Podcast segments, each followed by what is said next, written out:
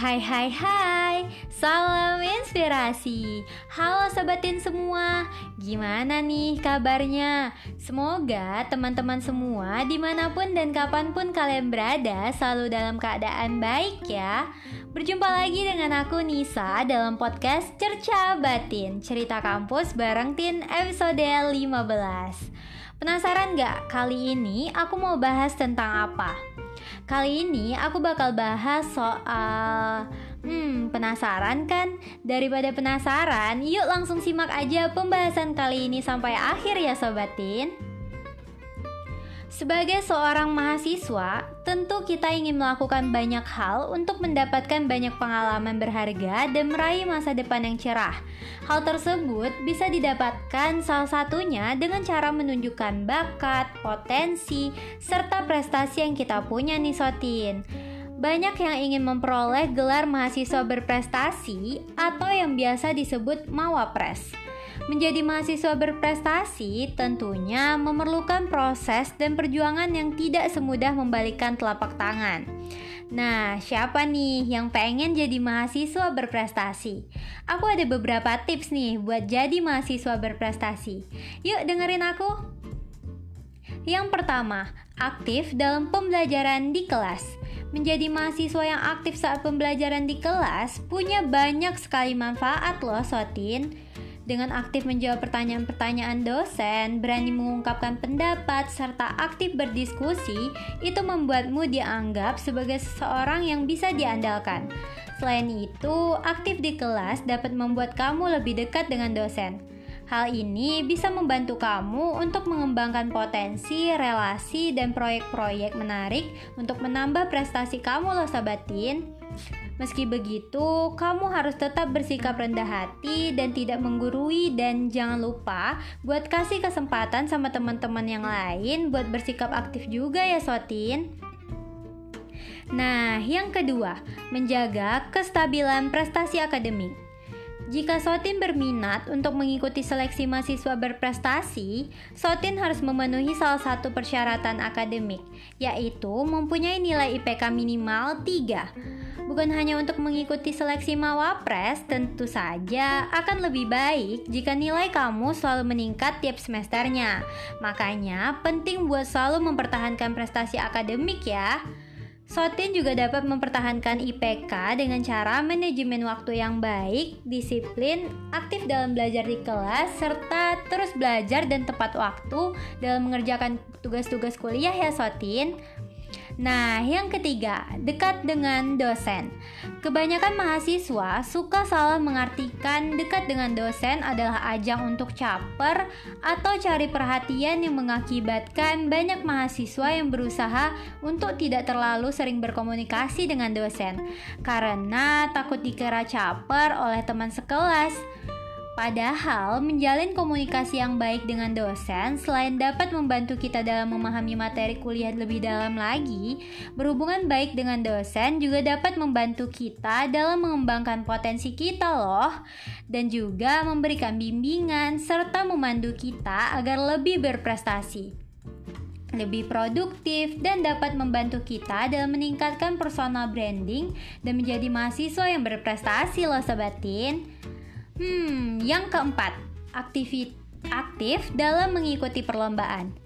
Rajin mengikuti perlombaan tentu akan membuka peluang untuk bertemu dengan calon-calon mahasiswa berprestasi lainnya dari berbagai daerah di Indonesia atau bahkan luar negeri loh. Aktif dalam perlombaan juga akan menambah pengalaman bagi kita loh sobatin. Kita akan bertemu dengan teman-teman dari universitas lain, bisa juga sambil jalan-jalan jika lombanya diadakan di luar daerah dan masih banyak lagi manfaat lainnya. Kelima, menulis karya tulis ilmiah. Dalam pemilihan mahasiswa berprestasi akan ada rangkaian seleksi di mana salah satunya adalah menulis esai, artikel, atau karya tulis ilmiah lainnya. Jadi, mahasiswa diharuskan punya skill menulis yang baik. Di samping itu, saat terbiasa menulis karya tulis ilmiah, kita akan terbiasa untuk mencari topik, sumber referensi, dan ide-ide brilian lainnya sebagai langkah menjadi mahasiswa berprestasi. untuk yang keenam yaitu aktif berorganisasi dan membangun relasi. Seperti yang sudah kita bahas di episode 9 kemarin, mengikuti organisasi banyak sekali manfaatnya. Dengan mengikuti organisasi, kita dapat menambah soft skill dan hard skill kita, membantu kita dalam membangun relasi, Hmm, dan semakin luas relasi kita, maka akan semakin banyak kesempatan untuk mendapatkan banyak pengalaman dalam lomba maupun kerja loh Sotin. Selain itu, jika kita aktif dan banyak berkontribusi untuk sebuah organisasi, maka kita akan mendapatkan kesempatan untuk menjadi ketua atau koordinator di organisasi tersebut. Dan itu akan menjadi nilai plus dalam pemilihan mahasiswa berprestasi. Ketujuh, mengembangkan kemampuan public speaking. Dengan mempunyai kemampuan public speaking yang baik, tentunya akan membantu kita dalam mengembangkan karir. Kemampuan public speaking juga menjadi salah satu aspek dalam penilaian pemilihan beasiswa berprestasi loh sobatin. Kemampuan dalam berkomunikasi, khususnya dalam bahasa Inggris, serta kecakapan dalam mempresentasikan gagasan kreatif akan menjadi pendorong keberhasilan dalam seleksi Mawapres. So, sobatin harus selalu mengasah kemampuan public speaking dengan baik ya. Bisa dengan rajin berdiskusi dalam suatu forum, berani mengungkapkan pendapat, menjadi narasumber, moderator, atau MC dalam suatu event, dan sebagainya. Kedelapan, menjadi seorang yang berpikiran terbuka. Open-minded adalah hal yang perlu kita miliki dan perlu terus kita kembangkan untuk menggapai cita-cita kita. Seseorang yang mempunyai pemikiran terbuka akan dengan senang hati untuk menerima kritik, saran, dan juga perbedaan pendapat. Seseorang yang open-minded akan selalu ingin berdiskusi dan belajar hal baru bersama orang lain. Maka tak heran jika seorang yang open-minded selalu bisa mengupgrade dirinya dan memiliki koneksi yang luas. Nah, maka dari itu kita perlu menanamkan sikap ini agar menjadi mahasiswa yang berprestasi. Nah, sembilan, memperluas wawasan.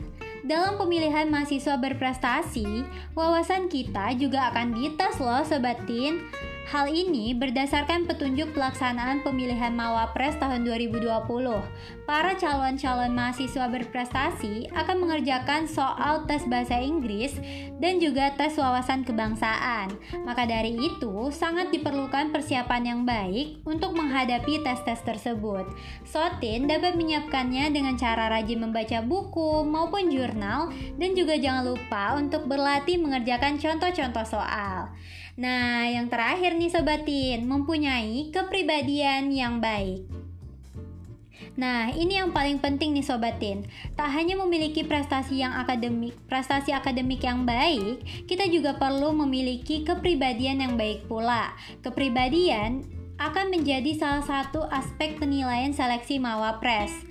Para juri akan melihat dan menilai bagaimana sikap kepedulian, kepekaan, serta sikap kepemimpinan kita nantinya. Nah, para kandidat mahasiswa berprestasi pastilah memiliki prestasi yang hebat dan membanggakan. Maka, penilaian kepribadian menjadi pembeda antara kandidat satu dengan kandidat yang lain. Dengan begitu, kita perlu menjadi orang dengan kepribadian yang baik ya, Sotin.